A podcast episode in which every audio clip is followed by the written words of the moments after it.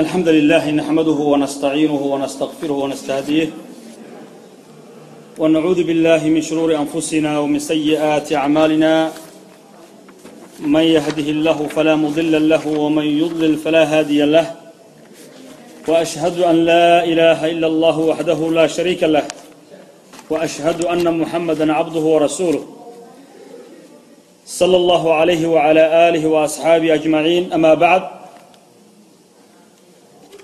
in sha allahu tacala waxaan sii wadanaynaa mowduucii aan ka hadlaynay oo ahaa baryada alla subxaanahu wa tacaala baryayo ama ducada ilaahay subxaanahu wa tacaala wax la weydiisanayo. Intaanan u gudbin aanan sii wadin waxaan jeclaystay laba xadiis oo munaasab ah inaanu xusuusiyo ama waqtiga hadda ku jirno naxuusinaya bishaynu ku jirno waa shacbaan. Shacbaanna waa bisha ka horeysa ramadaanka. Caawa bisha shacbaan afar mise shan weeyaan. Marka fawaa'id baa ku soo aroortay. Bishaa shacbaan la doonayay in laga faa'iidaysto. Nabiga calayhi salaatu wasalaam saxaabadiisa saxaabi ka mid oo usaama la yidhaahdo ayaa nabiga calayhi salaatu wasalaam u yimi nebiguna wuxuu ahaa bishaa shacbaan loo yaqaano mid badiya buu ahaa soonka la soomayo. Bisha shacbaan aan ku jirno nebiga calayhi isalaatu wasalaam wuu soomi jiray soomkana wuu badin jiray. Markaasuu wuxuu ku yidhi yaa rasuula allahi lam arak tasuumu shahran min ashuhuuri maa tasuumu shacbaan. Rasuulka ilaahay kuma arag adigoo soomaya bilaha kale sidaa u soomayso bisha shacbaan oo kale. Yani waxaan arkay inaad bisha shacbaan aada u soomaysid. Marka arrintaasu maxay tahay? Waxaan arkay adigoo bishaan shacbaan ah u soomaya si aadan u soomin bilaha kale. Nabiga calayhi isalaatu wasalaam wuxuu yidhi daaka shahrun yakfulu nnaasu canhu.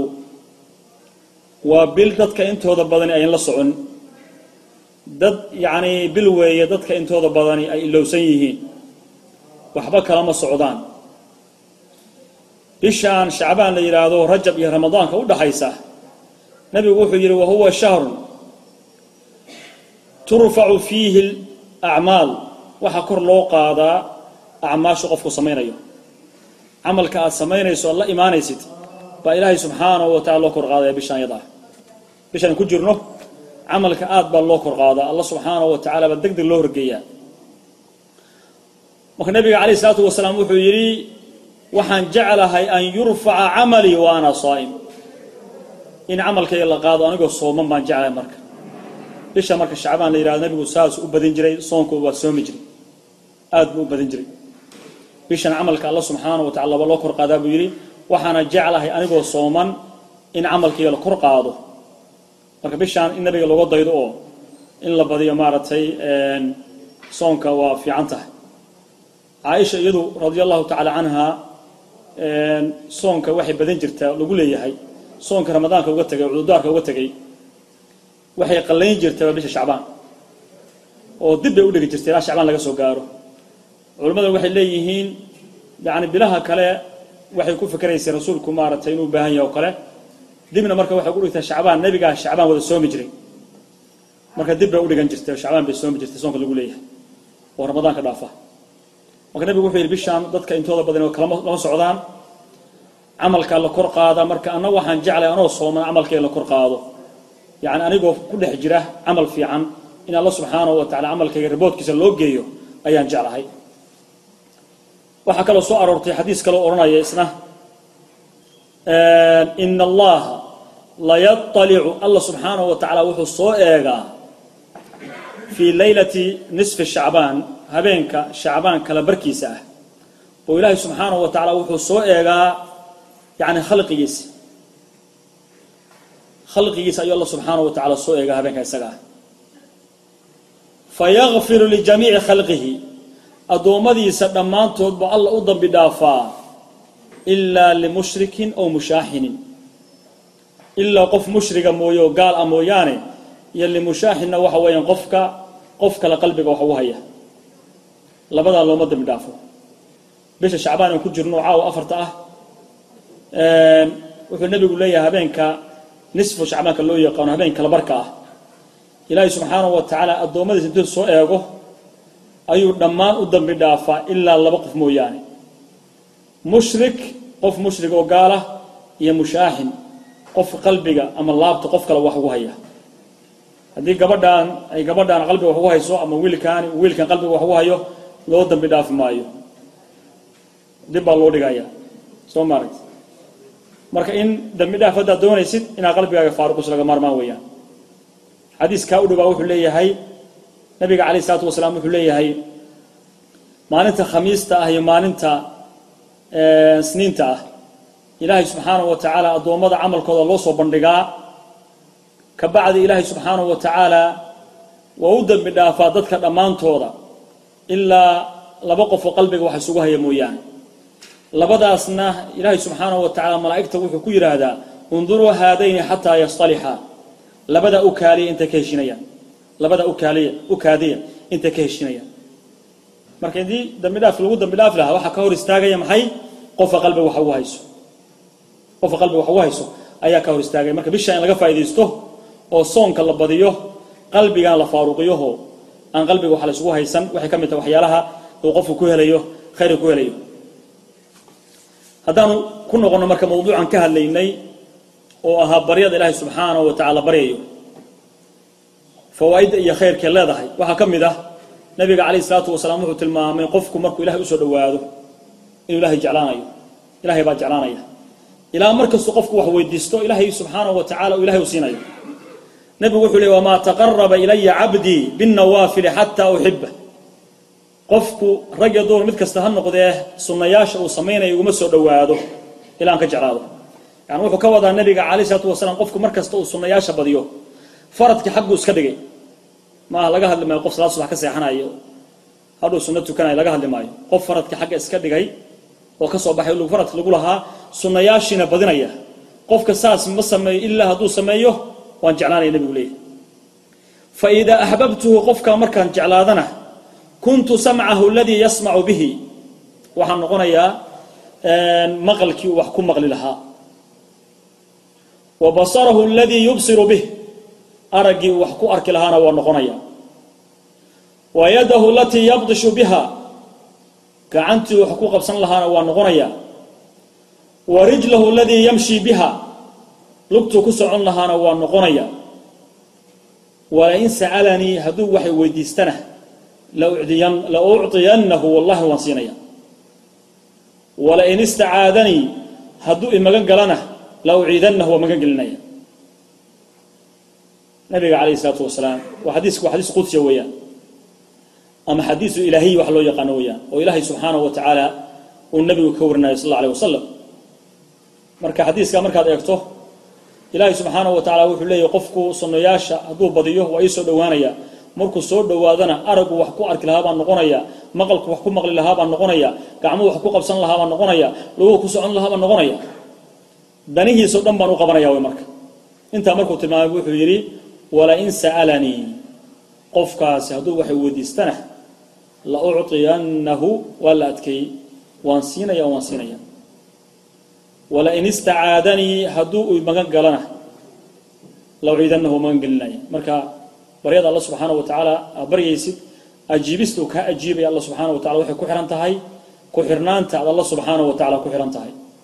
Markasta dhowdahay alla u dhowaatidba alla waa kuusoo dhowaanaya wamaa taqaraba ilaya cabdii diraacan shibran addoonkayga xadiis baa ohanayay xadiis qudsi ahi qofku iguma soo dhowaado taako wax loo yaqaano taako intaas weeyaan.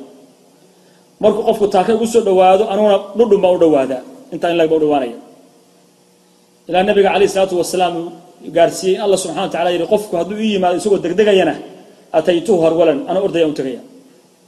Markastoo alle subxaana wa u dhawaato allana waa kuusoo dhawaanaya haddii alla u dhawaato dee marka waxa weeyaan danta aad leedahay iyo baryada alla subxaana wa baryaysid ilaahay subxaana wa tacala wuu ka aqbalaya. Marka inaad alla ku xirnaato digrigiisa iyo khayrkiisa ku jirto waa laga maarmaan weeyaan laakiin haddaad ka jeesato digrigii alla subxaana wa tacala t v iyo cayaari isaga jirto ilahna waa kaa tegaya waman acrada can dikrii faina lahu maciishaة danka. Wanaxshuruhu ywma alqiyaamati acmaa qaala rabbi lima xashartanii acmaa waqad kuntu basiira alla subxana tala wuxuu leeyahy waman acrada can dikrii qofka aniga digrigayga ka jeesta faina lahu maciishatan danka الحمد لله نحمده ونستعينه ونستغفره ونستهديه ونعوذ بالله من شرور أنفسنا ومن سيئات أعمالنا من يهده الله فلا مضل له ومن يضلل فلا هادي له وأشهد أن لا إله إلا الله وحده لا شريك له وأشهد أن محمدا عبده ورسوله الذي بلغ الرسالة وأدى الأمانة ونصح الأمة وجاهد في الله حق جهاده حتى أتاه اليقين يقول الله تعالى يا أيها الذين آمنوا اتقوا الله حق تقاته ولا تموتن إلا وأنتم مسلمون يا أيها الناس اتقوا ربكم الذي خلقكم من نفس واحدة وخلق منها زوجها وبث منهما رجالا كثيرا ونساء واتقوا الله الذي تساءلون به والأرحام إن الله كان عليكم رقيبا يا أيها الذين آمنوا اتقوا الله وقولوا قولا سديدا يصلح لكم أعمالكم ويغفر لكم ذنوبكم ومن يطع الله ورسوله فقد فاز فوزا عظيما أما بعد فإن أصدق الحديث كتاب الله وخير الهدي هدي محمد صلى الله عليه وسلم وشر الأمور محدثاتها وكل محدثة بدعة وكل بدعة ضلالة وكل ضلالة في النار عياذا بالله انت كبعد أيها الإخوة والأخوات waxaanu insha allahu tacaala waxaa ka waranaynaa bishaan maanta ku jirno oo loo yaqaano shacbaan fadaaisha ay leedahay bisha shacbaan bisha shacbaan oo ah bisha ka horeysa ramadaanka ama bisha ramadaan ka horeysa nabiga calayhi salaatu wasalaam waxau noo tilmaamay inay fadaa'il leedahay. Acmaal uu nabiga calayhi salaatu wasalaam uu sameeyey. Nabiga calayhi salaatu wasalaam uu si gaar ah acmaal u sameeyey. Arrimahaas baan insha allahu tacaala wax ka tilmaami doonaa. Sidaan la soconno ilaahay subxaanahu wa tacaala wuxuu kala fadli badiyey waqtiyada uu kala fadli badiyey. Oo mathalan bilaha oo dhammaantood bisha ramadaanka baa u fadli badan maalmaha dhammaantood maalinta jimcaha baa u fadli badan. Maalinta jimcaha ah saacadaha ku jira saacad baa ku jirta ka fadli badan saacadaha kale. Dhulka markaynu fiirino wuu kala fadli badan yahay oo nabiga calayhi salaatu wasalaam wuxuu noo sheegay masaajidku inuu yahay meelaha allah subxaanahu wa tacala ugu jecel yahay waqtiyada waa la kala fadilay. Oo mathalan habeenkii oo dhan waxaa u fadli badan qeybta habeenka dambe ayaa u fadli badan. Waxa saa loo sameynaya waxa weeyaan ilaahay subxaanahu wa tacala naxariistiisa. Dadku inay cibaadad la yimaadaan dheeraad ah oo alla subxaanahu wa tacaala ugu ugu dhowaadaan si ilaahay subxaanahu wa tacala jannadiisa u helaan.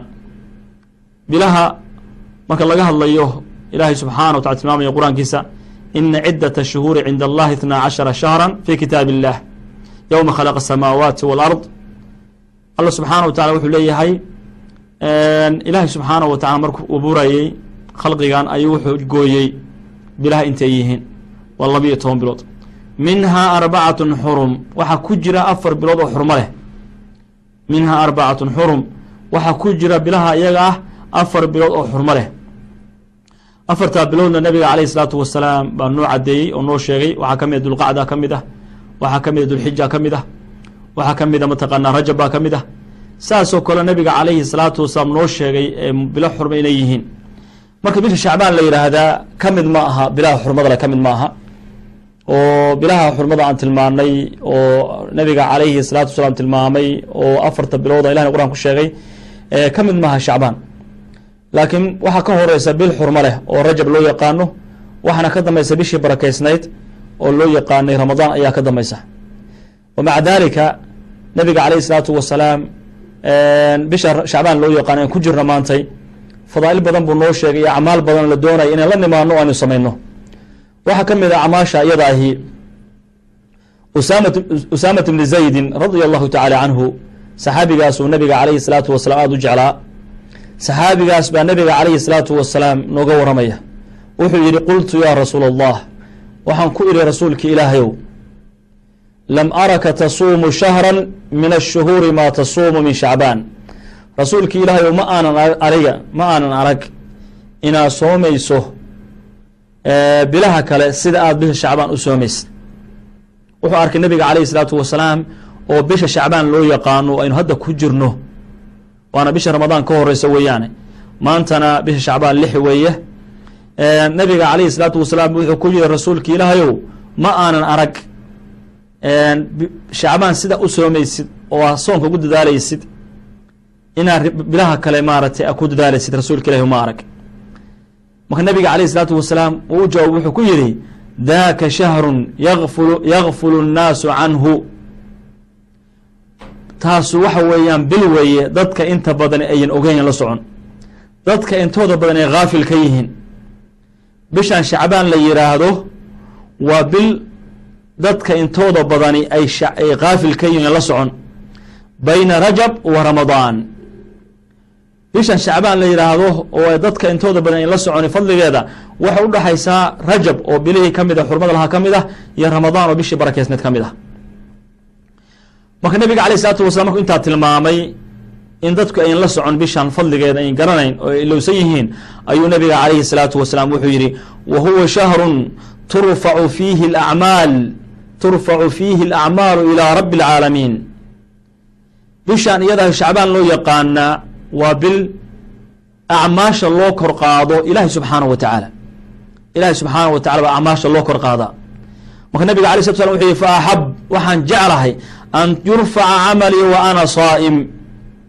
Camalkayga in la kor qaado anigoo sooman baan jeclahay.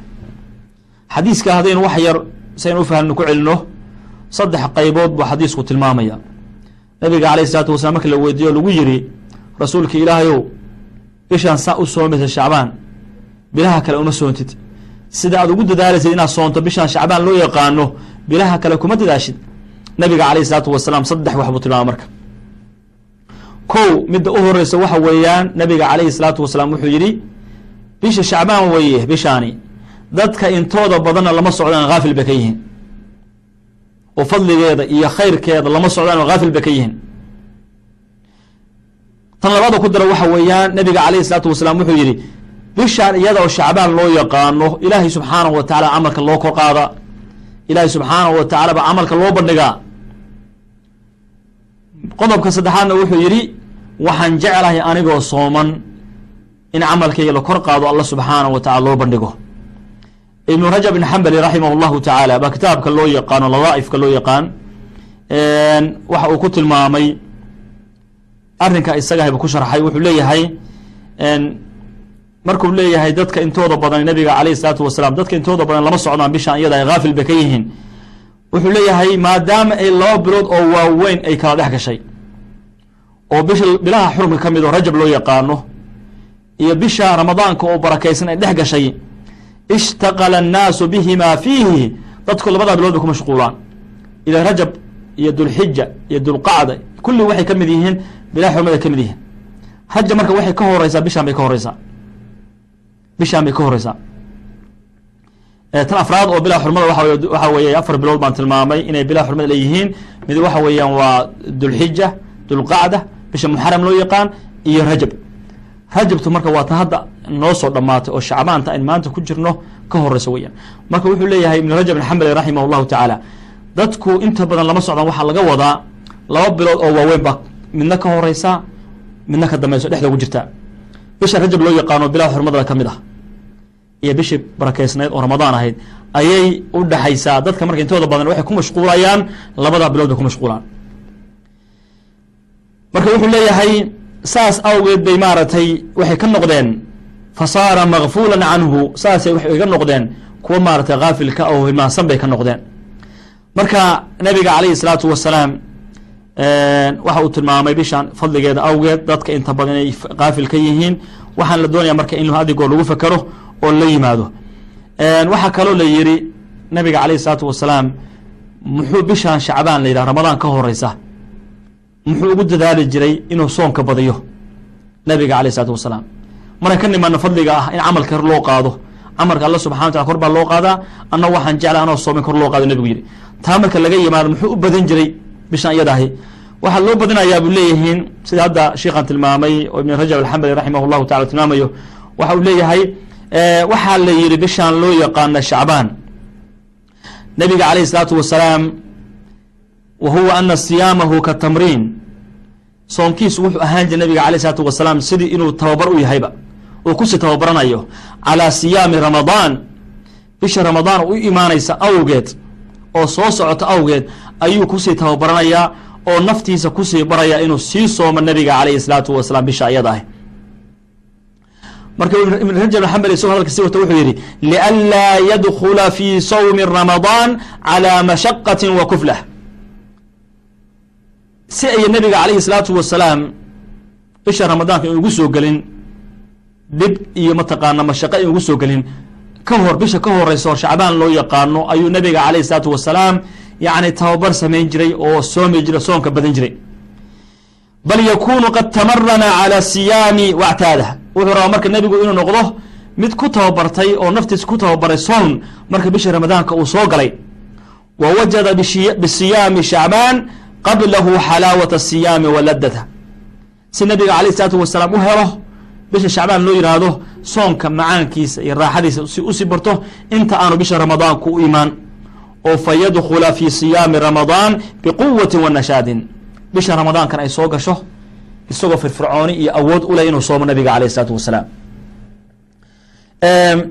saan tilmaamay imaamu ibn rajab alxambali raximah llahu tacaala ba kitaabka loo yaqaan lataaif almacaarif ba wuxuu ku tilmaamayaa kelmadda haddaan sheegay isagoo ka takuurinaya culumada qeyb ka midii inay nabiga calayh isalaatu wasalaam soomka uu soomayo bisha loo yaqaana shacbaan ay yidhaahdeen nabiga calayh isalaatu wasalaam wuxuu ahaanaya mid ku sii tababaranaya buu ahaanaya nabiga alay slat slam laakiin waxaa nooga fadl nooga filan fadliga nabiga ku sheegay in ilaahay subxaanahu watacaala camalka loo bandhigo. Nabiga calayh isalaatu wasalaamna uu jeclaystay in camalkiisa la bandhigo isaga oo sooman. Marka in camalkeenna alla loo bandhiga in ogaanaa fiican oo aynu badino soomka aynu soomen ina badino weeyaan. Waxaa kaloo jira fadli lagu sheegay nabiga alayh isalaatu wasalaam axaadiis badan oo marka loo fiiriya shawaahidka xadiis isxoojinaya ayuu wuxuu leeyahay culamada qeyb kamida ay leeyihiin waa saxiix culum qeyb ka mid leyihin waa xasan weeye. Waxaa ka mid a nabiga alayh isalaatu wasalaam sida cabdillahi ibni camr ibni caas uu warinayo wuxuu leeyay nabiga calayhi salaatu wasalaam wuxuu yidhi yaطlacu allahu caza wajala ilaa khalqihi leylata nisfi shacbaan habeenka shacbaanka kala barkiisa bisha shacbaan loo yaqaano kala barka markay tahay habeenka kala barka ku beegan yahay bisha shacbaan loo yaqaano ilaahay subxaanahu wa tacaala ba addoommadiisa soo eega dhammaantood. Alla subxaanahu wa tacaala wuxuu soo eegaa addoommada dhammaantood buu soo eegaa marka nabiga calayhi salaatu wasalaam wuxuu leeyahay markuu alla subxaanahu wa tacaala soo eego fayakfiru licibaadihi ila tnayni laba mooye inta kale waa loo dhaafaa ila tnatayni laba mooye inta kale waa loo dhaafaa ilahay subxaana wa tala wuxuu soo eegaya khalqiga dhammaantiis dhammaan waa u dambi dhaafaya ilaa laba mooye limushrikin qof mushrika mooye aw mushaaxinin iyo qof qof kale qalbiga waxugu haya mooye nabiga alay isalaatu wasalaam waxa uu tilmaamaya xadiiskan iyagaahi in ilaahay subxaanahu wa tacala addoommada soo eegaya bishaan ay ku jirno kala barkeeda marka la gaaro oo habeenka nisfu shacbaanka ah kala barkeeda marka la gaaro in allah subxaanahu wa tacala addoommada soo eegayo addoommadiisa buu soo eegayaa wuxuuna u dambi dhaafayaa eegitaanka iyadahay waa mid in usugayn alla subxaanahu wa tacaala waa mid alla subxaanahu wa tacala u cuntanta inuu u soo eego addoommadiisa alla subxaanahu wa tacaala markuu soo eegana yani allah subxaanahu wa tacala wuxuu u dambi dhaafaa addoommadiisa dhammaantood u dambi dhaafaa. Ilaa qof mushriga mooye iyo qof mataqaana mushaaxinahoo qof kale qalbiga wax ugu haya. Inaynu marka iska ilaalino labadaas khasab weeyaan. Gaalnimo in ilaahay subxaanahu wa tacala an ka magangalnaho wax kastoo gaalnimo kuu keenaya ka cararto ama wax kastoo shirki kuu keenaya inaad ka cararto waxa la doonaya weeyaan. Inaad iska fiiriso. Hadday qof muslima tahay shirkiga asqarkaa iyo kiisa akbarkaahaba yayin kuu soo dhowaanin. Haddaad doonaysa alla subxaana wa tacala kuu dhaafo. Sidee baa ku ogaan kartaa shirkiga maarata kiisa asqarka ah iyo kiisa akbarka ah inaa aqoon yeelato alla subxaana wa tacala diinsa barato. Haddii aadan aqoonna dadka aqoonta inaad weydiiso ayaa arrinkaa isaga uga badbaadi karta. Kan labaadna waxa weeyaan qofka qof kale qalbiga wax ugu haya.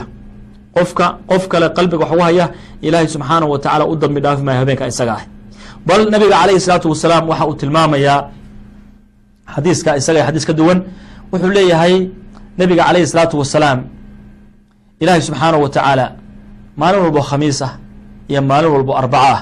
Ilaahay subxaana taala adoomadiisa wuu u dambi dhaafaa waxaan leey maalin walba khamiisa iyo maalin walba isniin ah ilaahay subxaana wa tacaala addoommadiisa wuu u dambi dhaafaa ilaa laba qof oo qalbiga wax isugu haya mooye.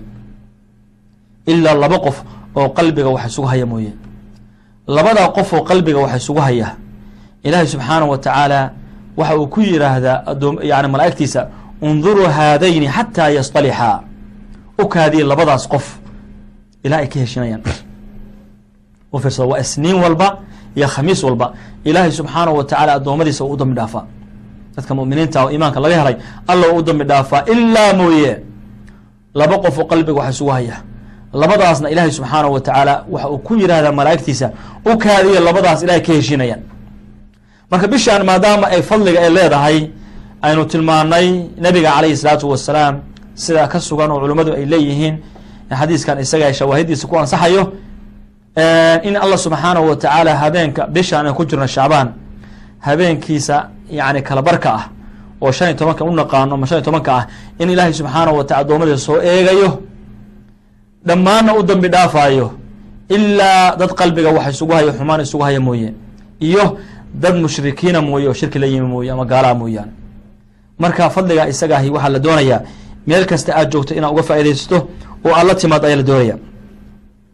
Waxaa nabiga alayh isalaatu wasalaam ka sugan waxaynu tilmaanay bishaan iyadaahi oo loo yaqaano bishaan iyadaah oo loo yaqaano shacbaan inuu nabiga alayhi salaatu wasalaam soonka badin jiray nabiga alayhi salaatu wasalaam soonku badiya waan soo sheegnay. Waana tilmaami doonaa aharta iyo axaadiista badan oo nabiga alayhi salaatu wasalaam yani ka sugan oo ay culammadu ay tilmaamaya ama yani saxaabadu tilmaamayaan se nabiga alayhi salaatu wasalaam uu u badin jiray inuu soomo bishan iyadaahi. Waxaa jira marka xadiis kale oo tilmaamaya. Nabiga alayhi salaatu wasalaam uu leeyahay afdal siyaam bacda ramadaan shahru llahi muxaram soom la soomo soom la soomo. Ilaahay agtiisa waxa ugu fadli badan bisha muxaramka loo yaqaano. Bilaha xurmada leh ama bisha muxaram ama bilaha xurmada la soomo ayaa u fadli badan. Wa afdal salaati bacda mafruuda. Salaadaha faradka kabacdina salaad la tukado waxaa u fadli badan salaat leilka salaatu leilka marka xadiiskani qeybta hore nabigu wuxuu sheegay soon lala yimaado xilli soon lala yimaado marka ramadaanka laga reebo waxa u fadli badan bilaha muxaramka loo yaqaano. Bisha muxaram loo yaqaano. Oo bilaha xurmada le ah. Bishaan shacbaan la yidhaha nabigu marka wuu soomay. Labada xadiis marka maxay kala noqonayaan? Labada xadiis maxay kala noqonayaan? Midna waxaa li nabiga alayhi salaatu wasalaam wuxuu yihi waa nabiga waxaa lagu yihi wuu soomi jiray shacbaan dhammaanteed buu soomi jiray. Ama badankeed buu soomi jiray. Fadlibu nabiga alayhi salatu wasalaam ku sheegay haddaba saas ay tahay ba xadiis kale nabigu wuxuu leeyahay soon la soomo marka ramadaan laga reebo wax u fadli badan bisha muxaram loo yaqaano. Oo ka mid a bila xurmada leh. Labada xadiis seebaa marka noqonaysa xalkeedu. Imaamu nawowi raximah llahu tacaala baa kitaabka imaamu muslim sharxiisa wuxuu ku leeyahay waxaa laga yaabaa nabiga alayhi salaatu wasalaam inaanu ogaanin bisha loo yaqaano muxaram fadligeeda inaanu ogaanin ilaa aakhiri cumrihi mooye. Ilaa aakhiri cumrihi mooye ama waxaa laga yaabaa inuu cududaar owgiisu nabiga alayhi salaatu wasalaam bishaas uu u badan waayey fadli u badan waayey maxay? Soonka u badan waayey. Laakiin u suurtooda bis shacbaan la yihahdo inuu soonkeeda badiyo. Alxaasil waxa weeye bis shacbaan ku jirna maantay inaynu nabiga alayhi salatu wasalaam kaga dayano weyaan qofkii awood leh qofkii awoodi kara oo ilaahay subxana wa tacala u furay oo ilaahay subxaanahu wa tacaala uu siiyo awood uu ku soomo. Waxa weeye bishaan inaan ku jirno inaad soom ka badiso weeyaan waxyaala noo sheegaya marka inuu nabiga alayhi salaatu wasalaam soonka badan jiray waxaa ka mid aha oo nabigu tilmaamayo. Nabiga alayhi salaatu wasalaam laga tilmaamayo waxaa ka mid ah nabiga alayh isalaatu wasalam caaisha waxay leedahay kaana rasuulu llahi sala allahu alayh wasalam yasuumu xataa naquum. Nabiga calayhi salaatu wasalaam baa soomi jiray ilaa aan ka niraahno maba afuraayo wuu afuri jiray oo ma soomi jirin marka qaarkood markay bilaha kale ka hadlaysaay ilaa aan ka nidhahno bishaan maba soomayaba. Wamaa ra'aytu rasuula allahi sala allahu alayhi wasalam istakmala siyaama shahrin ilaa ramadaan. Nabiga calayhi salaatu wasalaam oo bil dhammaystirtay ramadaan yani soomkeeda ma arag ilaa ramadaanka mooye. Nabiga calayhi salaatu wasalaam oo bil kaamila soomay ma jiro ilaa ramadaanka mooye. Wamaa ra'aytuhu akthara siyaaman minhu fi shacbaan mana aan arag buu yidhi marka ramadaanka laga yimaado bay leedahay caaisha radi allahu taala anhu canha radia allahu taala canha waxay tihi ma aan arag bay tihi maa ra'aytuhu akhara siyaama minhu fi shacbaan. Ma arag nabiga alayhi salaatu wasalaam bil uu ka soom badnaa bisha shacbaan la yihahdo xadiiskan isagaahi nabiga alayhi salaatu wasalaam bay caaisha radi allahu tacaala nooga warinaysaa. Waxay leedahay caaisha radi allahu taala canha sideedaba nabiga alayhi salaatu wasalaam marmarka qaarka soo soonka uu iska wadi jiray ilaa aanu idhahno bishaan talo ma afuraayo soom ku dhamaysanaya marmarna wuu afuri jiray oo ilaa aan is niraahno bishaan maba soomayaba weligiina nabiga calayhi salaatu wasalaam bil dhamaystiran intuu ka wadeeda bilaabay ilaa soddonkeeda yani soonku ma aanu xirin ramadaankaan ahayn. Mathalan shawaal oo kale. Intuu ramadaanki bila intuu soomkii bilaabay ma dhamaystirin jamaad uluula intuu soom bilaabay soddonkii beri kuma aanu dhamaystirin bil uu dhamaystiray nabiga calayhi salaatu wasalaam uu gebigeedba soomay ma jirto ilaa bisha ramadaanka mooye. Waxaa loo yaqaan boqol soon somaali utaqaano nin boqol beri isku xigta soomaya. Nabiga kama ayan sugnayn. Boqol beri baan soomaya wax nabiga ka sugan maaha marka marka caaisha taa tilmaantayba waxay tihi weligay ma arag bay tiri nabiga calayhi salaatu wasalaam bil uu ka soom badan yahay bisha shacbaan loo yaqaano wamaa ra'aytuhu akhara siyaama minhu. Weligii ma arag nabiga calayhi salaatu wasalaam xilli uu ka soom badan yahay fi shacbaan. Bisha shacbaan loo yaqaano. Marka nabiga alayhi salaatu wasalaam bisha shacbaan loo yaqaano aad iyo aad bu u soomi jiray. Inaynu fadliga aynu qaadano oo aynu ku baraarugno weeyaan maantay kolley bish shacbaan waxay ii tahay aniga lix bay annaga noo tahay. Galab baana ku jirnaa xilligan iyadahay. Hadda maaragtay maxaadara jedinayna insha allah tacaala. Ramadaan baana ku xiga. Dhowr iyo labaatan beri ayaa ramadaan ka dhiman. Intaa marka shacbaan aynu ku jirno waxaa la doonayaa fadligaas soomka ah oo nabiga calayhi salaatu wasalaam uu sameeyey oo nabiga calayhi salatu wasalam la yimi inaynu ku dadaalno oo soomka la nimaano xadiiska hadda aan tilmaamayey oo caaisha radi allahu tacala canha ay tilmaamaysay nabiga alayh isalaatu wasalaam bihi shacbaan inuu soonkiisu badan jiray. Waxaa wariyey imaamu bukhaari raximah llahu tacaala ibn xajar casqlaani raximah llahu tacaala ayaa kitaabka loo yaqaano fatxulbaariga oo uu ku sharxay kitaabka loo yaqaano bukhaarigaba wuxuu leeyahay wa fi lxadiidi daliilun. Xadiiskan isaga ahi daliil baa ku sugan calaa fadli sawmi fi shacbaan. Xadiiskan isaga ahi ama oo hadda aynu tilmaano caaisha ay warinayso oo nabiga calayhi salaatu wasalaam ugu warramayso wuxuu yihi waxaa ka garanaysaa oo ka qaadanaynaa inay ku sugan tahay daliil noo sheegaya oo na tusaya in in bishaan iyadaa shacbaan la yihahda fadligeedu u badnaan jiray bishaan la yihahdo shacbaan la yihahdaa in la soomaa inay fadli badan leedahay. Wa fi lxadiidi daliilun xadiiska hadda aana soo sheegan daliil baa ku jira wuxuu daliil u yahay calaa fadli siyaami soon fadligiisa inuu jiro fii shacbaana bisha shacbaan dhexdeeda. Marka shacbaan in fadligeedu soonku leeyahay xadiiska isagaaba noo tilmaamay. Imaamu ibn rajab raximah llahu tacaala wuxuu leeyahay isaguna wa ama siyaamu nabiyi sala allahu alayhi wasalam min ashhuri sana. Nabiga calayhi salaatu wasalaam soonkiisa uu soomaya bilaha sannadkii fakaana yasuumu min shacbaan maa laa yasuumu min gayrihi min ashuhuur. Nabiga calayhi salaatu wasalaam waxaa laga soo rara oo laga soo wariyey markuu ka hadlayey bilaha nabiga calayhi salaatu wasalaam uu soomayo waxa uu leeyahay fakaana yasuumu min shacbaan. Nabiga calayhi salaatu wasalaam bisha shacbaan buu soomi jiray. Maa laa yasuumu min gayrihi min ashuhuur. Inaanu nabiga calayhi salaatu wasalaam ka soomin weligiis bilaha kalema inaanu ka soomin ayuu bisha shacbaan ka soomi jiray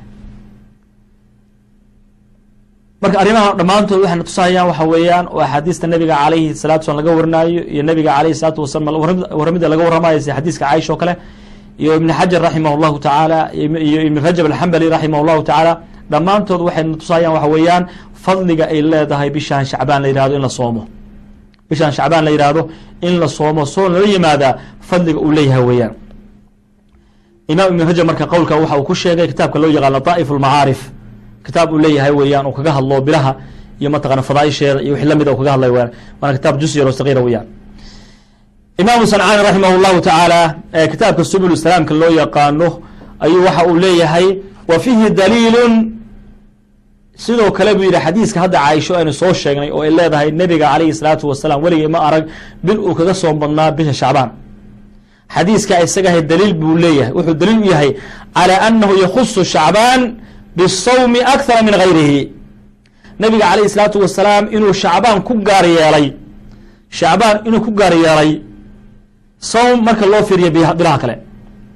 Imaamu sancaani raximah llahu tacala cabdirazaq waxa uu leeyahy kitaabka subul salaamkaabu wuxuu ku keenay leeyahy markuu ka hadlayo daliil buu u yahay xadiiskan hadda aan soo sheegnay oo caaisha radi allahu tacala canhu anahu yakhusu shacbaan shacbaan inuu nebigu ku gaar yeeli jiray bisawmi akthara min gayrihi soom inuu ku gaar yeeli jiray marka loo fiiriyo bilaha kale.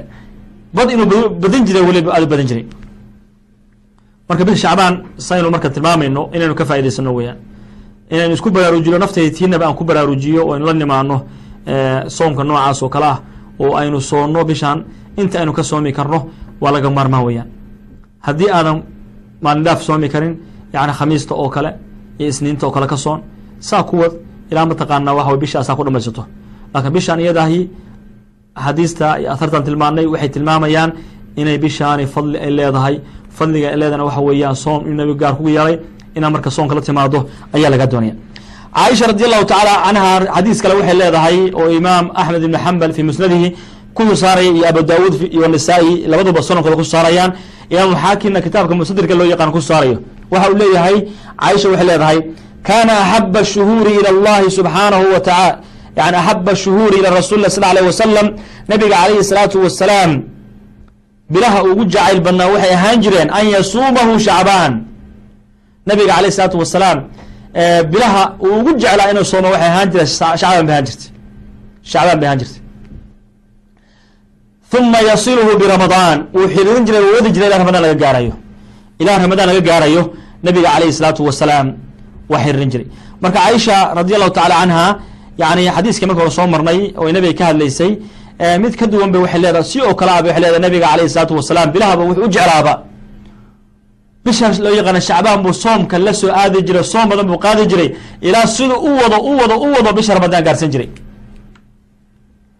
Laakiin sen tilmaanay nabiga alayh isalaatu wasalaam bil uu kow ka bilaabo soddon ku dhameeye ma jirto.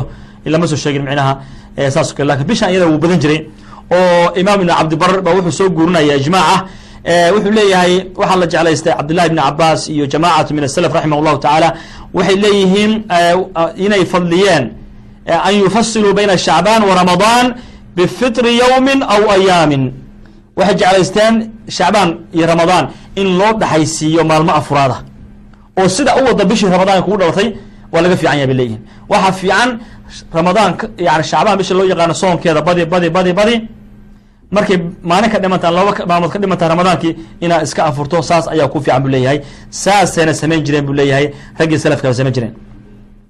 Laakiin caaisha radi allahu taala xadiska waxay leedahay nabigu waa soomi jiray shacbaan ilaa uu si u wado si u wado u wado uu bisha ramadaanka ku xiriiriyo saasay leedahay caaisha radi allahu tacala canha xadiiskaasaan tilmaamay imaamu axmed baa soo saaraya fi musnadihi wa abu daawud wanisaa-i wa xaakim waxayna tilmaamayaan nabiga alayh isalaatu wasalaam inuu ahaa in maaratay uu bisha iyada ahay nabiga alayh isalaatu wasalaam aad u jeclaa. Wa maca dalika caaisha radi allahu tacala maray ka hadlayso bishaan iyada ahay waa bisha haddii ay dhaafeen ramadaanka oo kale ay cududaar ku dhaafeen soomkii ay soomi lahayd caada shahriya waxaa loo yaqaano oo ama xayidka iyo dumarka ku dhaca hadday ku dhaafto bisha ramadaanka oo kale waxay waqti u heri jirtay waxay waqti u heri jirtay in ay soonto bisha loo yaqaano shacbaan sababta xilliga iyadaha nabiga alayh isalaatu wasalaam wuxuu sameynaya soom badan buu sameynaya uu soomaya way ogtahay marka xilligaa nabiga inaysan u baahnayn. Lakin waxaa laga yaaba maalinta haday caad u soonto maalmaha kale nabigu u baahan yahay. In oo la kala saaro ay culummadu kala saaraan soonka sunnada ahi iyo soonka loo yaqaano faradka qofku qalaynayo soonka sunnada ahi markaad soomaysid waxaa fiican gabadhu inay ninka idan ka qaadato. Axkaamta islaamka in la ilaaliyaa fiican. Gabadhu hadday soomayso soon sunna hadday soomayso mathalan oo bilihii caadiga idoo jirta aan rabadaan ka ahayn bay soon sunna a dabca inay soonto. Waxaa fiican inay idan ka qaadato ninkeeda in idan weydiisato inay soonto. Lakin waxaa laga yaabaa xuquuq badan buu ku leeyahay. Xuquuq badan buu kuleyahy labada qofna xuquuq bay isku leeyihiin. Marka xaqii isagoo kulahaa inuu ubahdo baa laga yaaba iyadoo sooman. Marka inay idan weydiisata weyaan culimada marka waxay leyihin haddii soonku uu yahay soon ay qalaynayso gabadhu. Oo sida farad soonka faradka ah oo ramadaanka oo kale ramadaan baa gabadhi ka tegey oo mathalan yani xaydkii maalmihii ka tegay o kale saas oo kale bay rabtaa inay soo celiso ama safar bay gashay gabadhii oo waxay rabtaa in maaratay intii lagu lahaa soo celiso.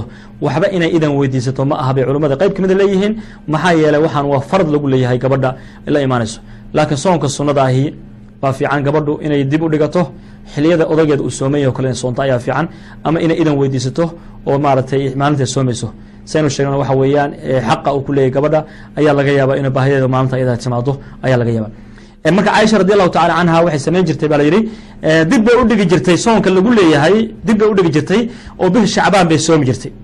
Si nabiga alayh isalaatu wasalam marka uu sooman yahay nabiga marka waa sooman yahay xilligaa bay soomi jirtay caaisha radi allahu tacala canha marka caaisha waxay tiri bishaan iyada ramadaanka loo bishaan iyada loo yaqaano shacbaan loo yaqaana nabigu bilaha dhan wayba ka jeclaa laga hadlimaya fadligii ay lahaayeen bilihi karo oo dhan baa la iska tegaya maaha. Ramadaanka ilahi subxana watacala baa nagu waajibiya waana bil fadli badan weeyaan. Kutiba calaykum asiyaam kama kutiba cala aladiina min qablikum lacalakum tattaquun. Ilahi subxana tala wuxuu ku tilmaamay shahar mubaarak buu ku tilmaamay inay tahay. Ko waxaa kaloo jira bilo khayr badan baa jira. Saan tilmaamaynay eh, bilaha loo yaqaano bilaha xurmada loo yaqaano oo aan tilmaamayo markaan soo bilaabay muxaadarada oo aan lahaa bilaha alla u ley minha arbacatun xurum nabigu noo sheegay u leeyahay afar bilood weeyaan halaaثun mutawaaliyaatun saddex bilood oo ka mid a bilaha xurmada wa xiriiraan oo dulqacda iyo dulxija iyo muxaram ah iyo rajab oo bayna mataqaanaa jamaaday iyo maxay waxay udhexaysaa shacbaan udhexaysaa afarta bilood xurmay leeyihiin xurmay leeyihiin waxaa ku jira bilahaan tilmaamay mid maalin kamida leeyahy maalinta qofki soomaa bish sannadkii hore iyo kadamaa loo dhaafaya waxaa ka mid a bilahaan tilmaamay hal maalin leeyahy qofki soomaa. Sanadki la soo dhaafay baa lagu dhaafaya dembigiisa soo maarataan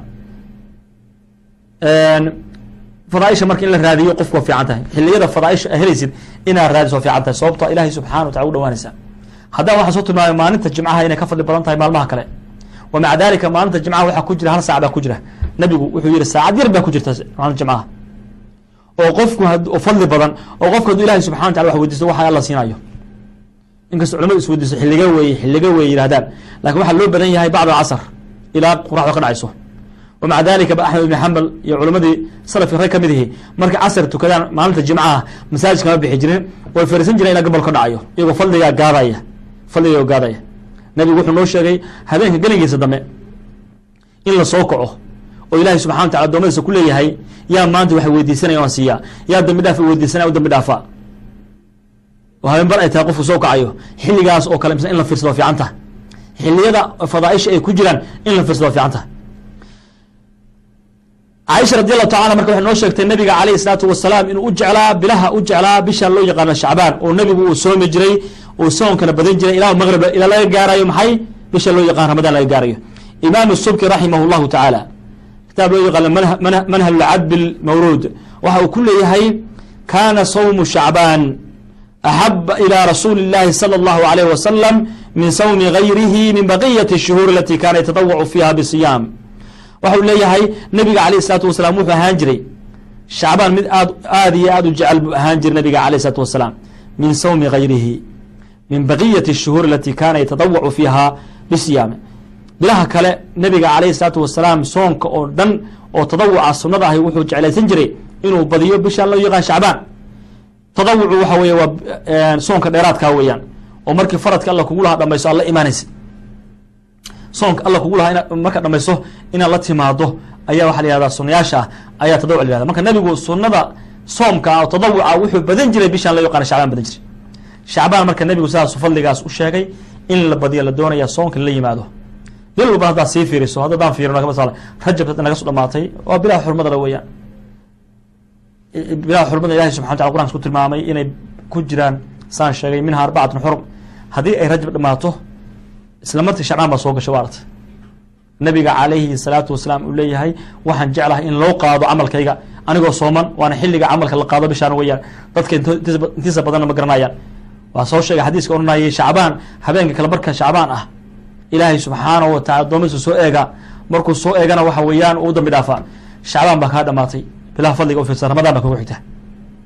Ramadaanna nabiga calayhi salaatu wasalam wuxuu noo sheegay man saama ramadaan iimaana waxtisaaban gufira lahu ma taqadama min dembihi qofkii sooma bisha ramadaanka loo yaqaano isagoo iimaan laga helay ilahay ajir weydiisanayo oo istus iyo waxaasan ku jirin gufira lahu ma taqadama min dembihi bal fadligiisa nabigu wuxuu sii gaarsiiyey.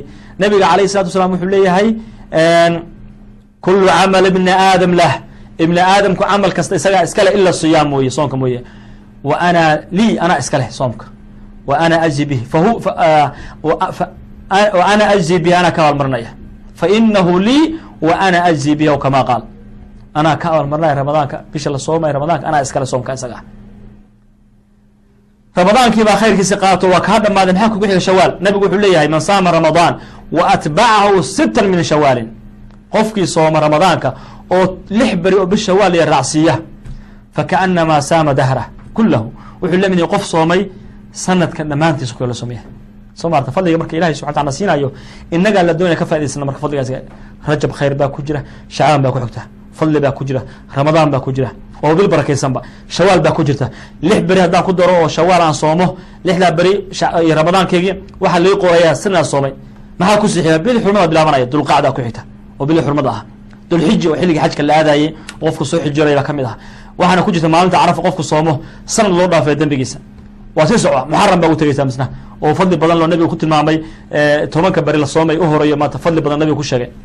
Marka fadligu waa badan yahay walaalayaal uu nabigu noo sheegay ilaahay subxana watala noo fudeeyey innagaana la doonaya marka inaan raadsano marka.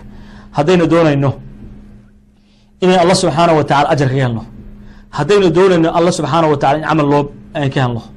Maalin baa kaa dambaysa aan camal jirin maalin baa kaa dambaysa xisaab mooye wax kale aan jirin oo camalkii aad wadanka ku soo samaysay ama adduunka ku soo samaysay aad la imaanaysid.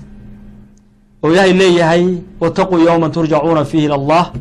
Ka cabsada maalinta alla hor istaagaysaan huma tuwafaa kulu nafsin maa kasabat wahum laa yudlamuun nafs kastana waxaa la siinaya oo gacanta loo gelinayaa wixii ay soo kabsatay iyo wixi ay camal la timi wahum laa yudlamuun laga dulmin maayo soo maartaan marka camalka ilaahay subxaana wa tacala waqtiguna siiyey aynu ka faa'idaysano aynu la nimaano waqtiga alla na siiyey wixii camal aan la imaan karno aan la nimaano waxa uu leeyahay marka laga hadlayo siyaamu shacbaan bishaan aan ku jirno shacbaan la yihahdo markii waxaan wadnay fadliga ay leedahay soomka la soomayo caaisho ayaa iyaduna sii wado hadalkii xadiiskii aan tilmaamaysay mid lamid ah ayay tilmaamaysa oo isna bukhaari soo saaray wuxuu leeyahay lam yakun الnabiyu salى اllahu عalيh wasalam yasuumu shahra akthara min shacbaan wa kana yasuumu shacbaana kulah xadiiskan waxa leeyahy lam yakun الnabiyu salى اllahu عalayh wasalam yasuumu shahra akthara min shacbaan nabigu weliga bilmooda soomin ka badan yani marka loo fiirsho shacbaan intuu ka soomay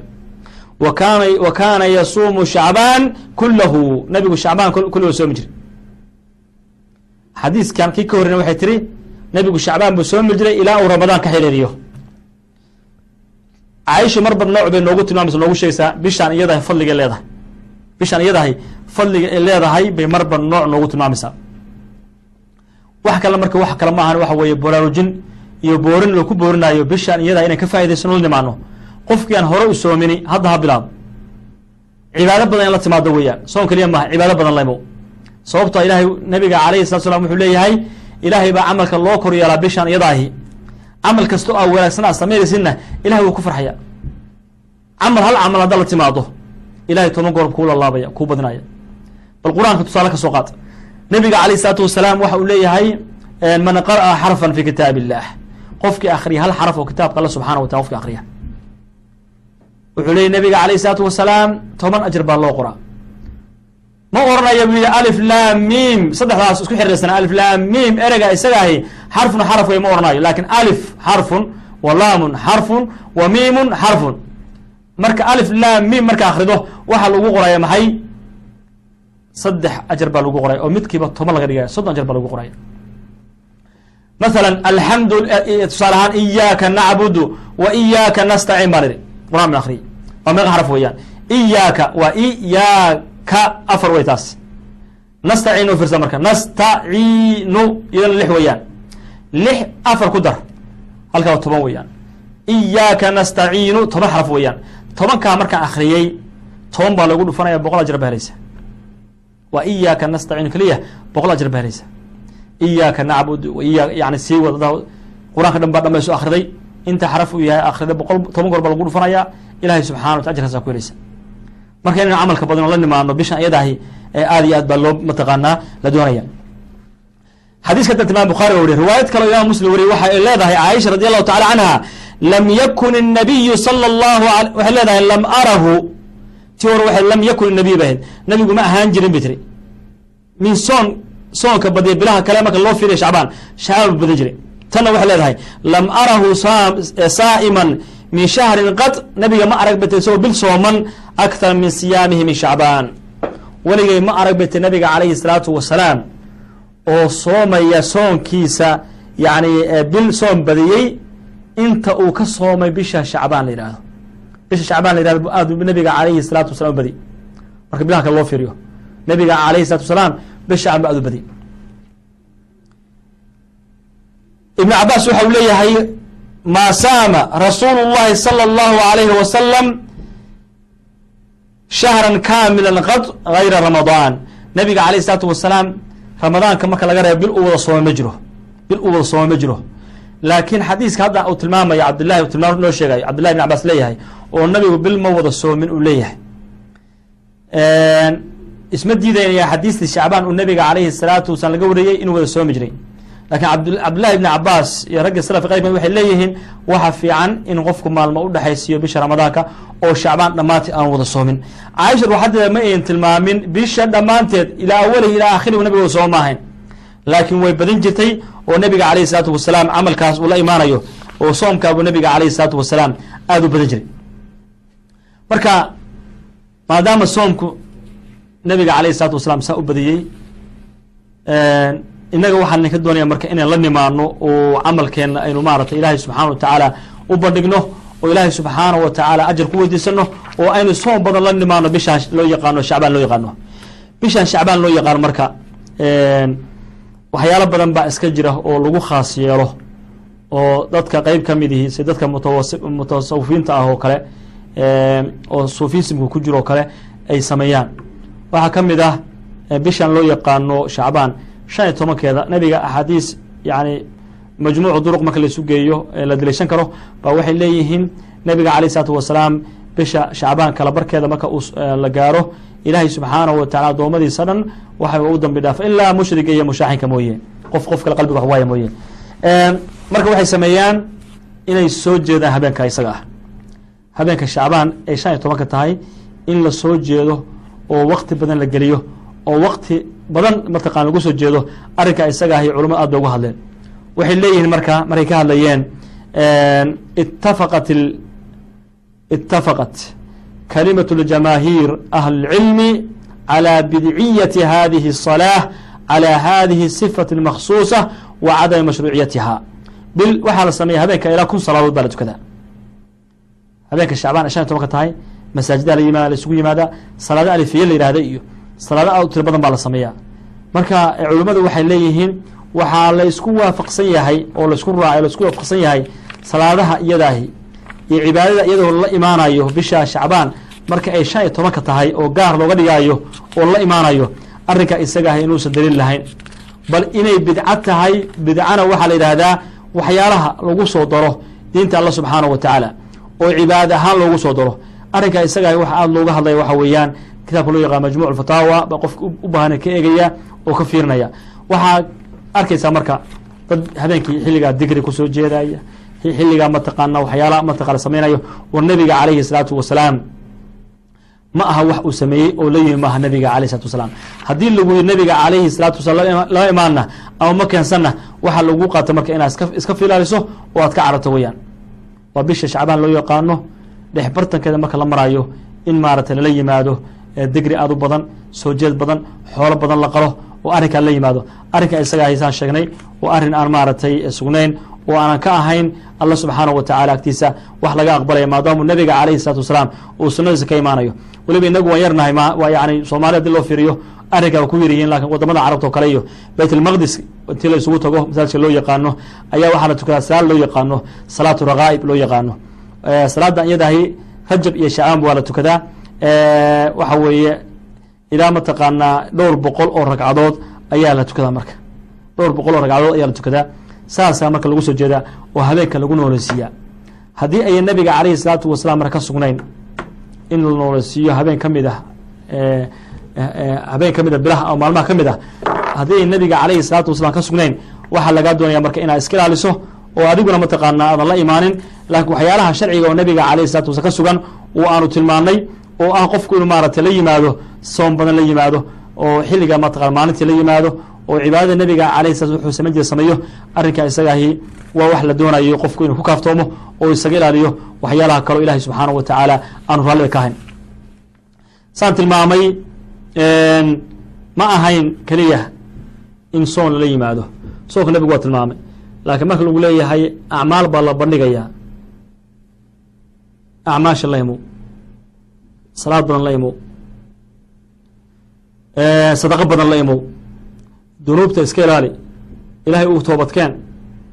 Waxay culummadu tilmaamaan markay ka hadlayaan waxay yidhaahdaan xilliga bilaha fadliga oo kale fadliga lagu tilmaamo oo kale.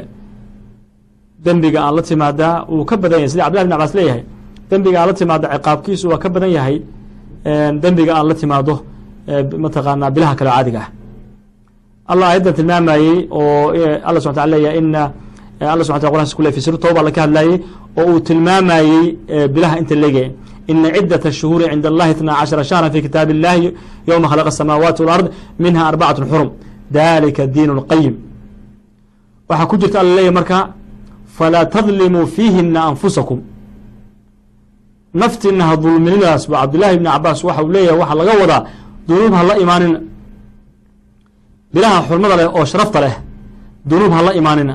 Haddaad dunuub la timaadaan dunuubteeda way ka badan yihiin. Marka loo eego bilihii kale marka loo eego dunuubtiina way ka badan yihiin. Waxaan kale oo aan ku darayaa maadaama la badiyey la yiri hala badiyo soonkii. Nabiga calayhi salaatu wasalaam noo sheegay dadka xiqdiga iyo xaasinimada caloosha isugu haya in ilaahay subxaana wa tacaala u dambi dhaafayo iyaga maaha inta kale qof kasta oo muslimihi inuu ogaado qof kasta oo muslimihi inuu ogaado inuu la yimaado dambi la yimaado. Qof haddii dembi a ka gashay qofka isagahay inuu dembi dhaaf aad weydiisato weeyaan. Ilahay subxana wa kuu dambi dhaaf maayo dembi a qofka gashay. Dembi a qofka gashay ilahay kuu dhaaf maayo. Laakiin qofkii inuu isaga ku cafiyo ayay noqonaysaa. Waxba bihi shacbaan inay sugna maaha. Saan tilmaamaya xadiis buu nabiga calayhi salaatu wasalaam ku tilmaamay isniinta iyo khamiista marka la gaaro ilaahay subxaanahu wa tacaala addoommadiisa waa u dambi dhaafaa dhammaantood ilaa laba qof mooye. Labada qofna waa qof gaala xagga iga dhig isaga iyo laba qof qalbiga wax isugu haya. Haddii qalbiga qof wax isugu haysana saanu tilmaanay nebigu wuxuu yihi ilahay wuxuu yihahdaa malagta ku yihahdaa unduruu haadayni xataa yastalixaa labadaa u kaadiya ilaa ka heshiinaya. Ka waran marka haddii khamiis walba iyo isniin walba ilaahay subxaanahu wa tacaala uu ku leeyahay malaa'igtu ku leeyahay u kaadiya kuwa iyaga ah u kaadiya kuwa iyaga ah u kaadiya kuwa iyaga ha u dambi dhaafina ka warrama. Marka walaalayaal inaynu badino sida nabiga calayhi salaatu wasalaam yani loo jideeyey bishaan yadahay inaynu soonka badino laga maarmaan weeyaan. Laakiinse waxaa la rabaa qofku inaanu soomin wixii ka dambeeya haddaanu hore soomin bishaan shacbaan loo yaqaano haddaanu horadeeda ka soomin inuu gadaasheeda ka soomo ma aha. Inuu gadaasheeda ka soomo ma aha bal culummada qeyb kadibna waxay tilmaamayaan inayba habooneenba markii bisha ramadaanka waxay ka dhiman tahay inaad soon laba beri saddex beri ka dhiman bisha ramadaanka inaad soon bilowdo arrinka isaga inuusan bilaamin inuusan habooneen nabiga calayhi salaatu wasalaamna uu ka sugan yahay oo uu leeyahay nebigu soonka ha ka hormarina maalin iyo laba maalmood ha ka hormarina oo aad soontaan bisha ramadaanka la yihahdo qofkii soomayey laakiin mathalan qof baa wuxuu soomayey bil baa wuxuu ka soomayey isniinta iyo khamiisto kale ka soomayey isniintii iyo khamiistii waxay ku dhaceen ramadaanka maalmihii ka horey bay ku dhaceen. Qofkaasoo kale caado uu soo wata bay ahayd dhib ma leh. Laakiin inaad ula qasado oo bishii ramadaan markay beri maalin ka dhiman tahay ama laba ka dhiman tahay inaad soonto arrinka isagaahi wax ku haboon oo la doonaya ma aha. Waxaa la doonaya in la la doonaya. Bisha shacbaan inaad soontaa la rabaa lakiin inaad fariisataho oo tira waxaan soomaya markay soo dhawaat ramadaankii arrinka isagaahi laguma ogola inaad iskaalisa weyaan fadhigan insha allahu tacaala fadhiga noogu xiga waxaanu ka tilmaami doonaa wax ka hadli doonaa bishii ramadaanka. Waxaa saan ognahay nagu soo fool leh bishii ramadaanka oo hadda dhowr iyo labaatan beri ay ka dhiman tahay. Bisha ramadaankana qofka muslimkaahi maadaama cibaado weyn ay tahay waxaa la doonayaa cibaadada weyn. Siduu ilaahay subxaanahu wa tacaala raalli uga heli lahaa siduu ilaahay subxaanahu wa tacaala dembi dhaaf uga heli lahaa inuu weygeeda iyo habkeeda raadiyo. Wuxuuna ku raadin karaa waxa weeyaan qofku inuu barto bisha ramadaanka loo yaqaano fadaaisheeda iyo arkaanteeda iyo axkaamteeda iyo inuu maaratay qofku barto. Sababto waxaa laga yaaba haddii aadan aqoon inaad soonkaaga waxba laga soo qaadin.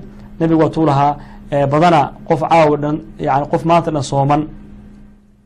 Badana qof maanta dhan sooman oo soonkiisa aan u siyaadinayn ilaa gaajo iyo haraad mooye. Ilaa gaajiyo oon mooye aan u siyaadinayn. Maxaa dhacay? Muxuu ugu siyaadin waayey? Soonkiisa khalal baa ku jira. Soonkiisa khalal baa galay marka soonku iska sooman yahay oo waxay soomaalida ohan jirta weeyaan dameer cawska laga xiray oo kale buu noqonaya wax ajir laga siin maayo. Badanaa qof habeenkii dhoon taaganaya qof habeenkii dhoon taagan oo taaginta uu taagan yahay yani ayan u siyaadinayn ilaa soo jeed iyo mataqaanaa hurda la'aan mooya u siyaadinayn arrinka waxaa keenaya waxa weeyaan aqoon ama aqoon buusan ulahayn ama fududaysi uu fududaysanayo salaada habeenka la tukanayo iyo soonka lala imaanayo weeyaan. Bal nabiga alay isalaatu wasalaam waxaa isku leeyahay ramadaan ka hadlaya qofkaas noocaas oo kale ah man lam yadac qowla الzuuri wاlcamala bihi falaysa lilahi xaaja min an yadaca طacaamahu wa sharaabahu aw kama qaala rasul lah sal alيه wasalam qofku hadaanu ka tegin haddaanu ka tegin hadalka xun uu ku hadlayo aflagaadhada uu samaynayo dunuubta uu afkiisa ka keensanayo hadalka xun ugu dhaqmaayo qofku haddaanu ka tegin wuxuu yihi nabiga alayh slat slam leeyahay ilaahay subxaanahu wa tacaala danka ma laha alla subxaanahu wa tacaala falaysa lilahi xaaja alla danka ma laha. Qofkaanu inuu cuntadiisi iyo cabitaankiisa ka tago. Qofkaanu inuu cunitaankiisi iyo cabitaankiisa ka tago alla danka ma laha. Leanna maxaa yeelay waxa weeyaan soonkii loogu talagalay inuu ku soomayo qaabka loogu talagalay ayuu faraha ka qaaday. Soonkan ilahay subxana wa tacala ba yaqaan cidda sooman yaqaana wa maca dalika ba ilaahay subxana wa tala sida xadiskan tilmaamay marka hore soonka alla gaar isugu yeelay marka bishii ramadaanka baa nagu soo socota. Wadamada hadda aynu joogno maraykanka oo kale siba mataqana hadda gobolkaanu joogno oo kale waxaa badan doona sida muuqata dhowrka ramadaan oo soo socda. Dhowrka ramadaan oo soo socda insha allahu tacala qofkii gaara kanna uu ku jiro waxaa badanaya inta la soomaya. Lix iyo toban saac toddobiyo toban saac baa laga yaba ina soomnaado. Habeenkuba maaragtay inta udhexaysa cishaha iyo iyo iyo salaada subax waxaa laga yaabaa inay afar sac noqdaan inay afar sac noqdaan.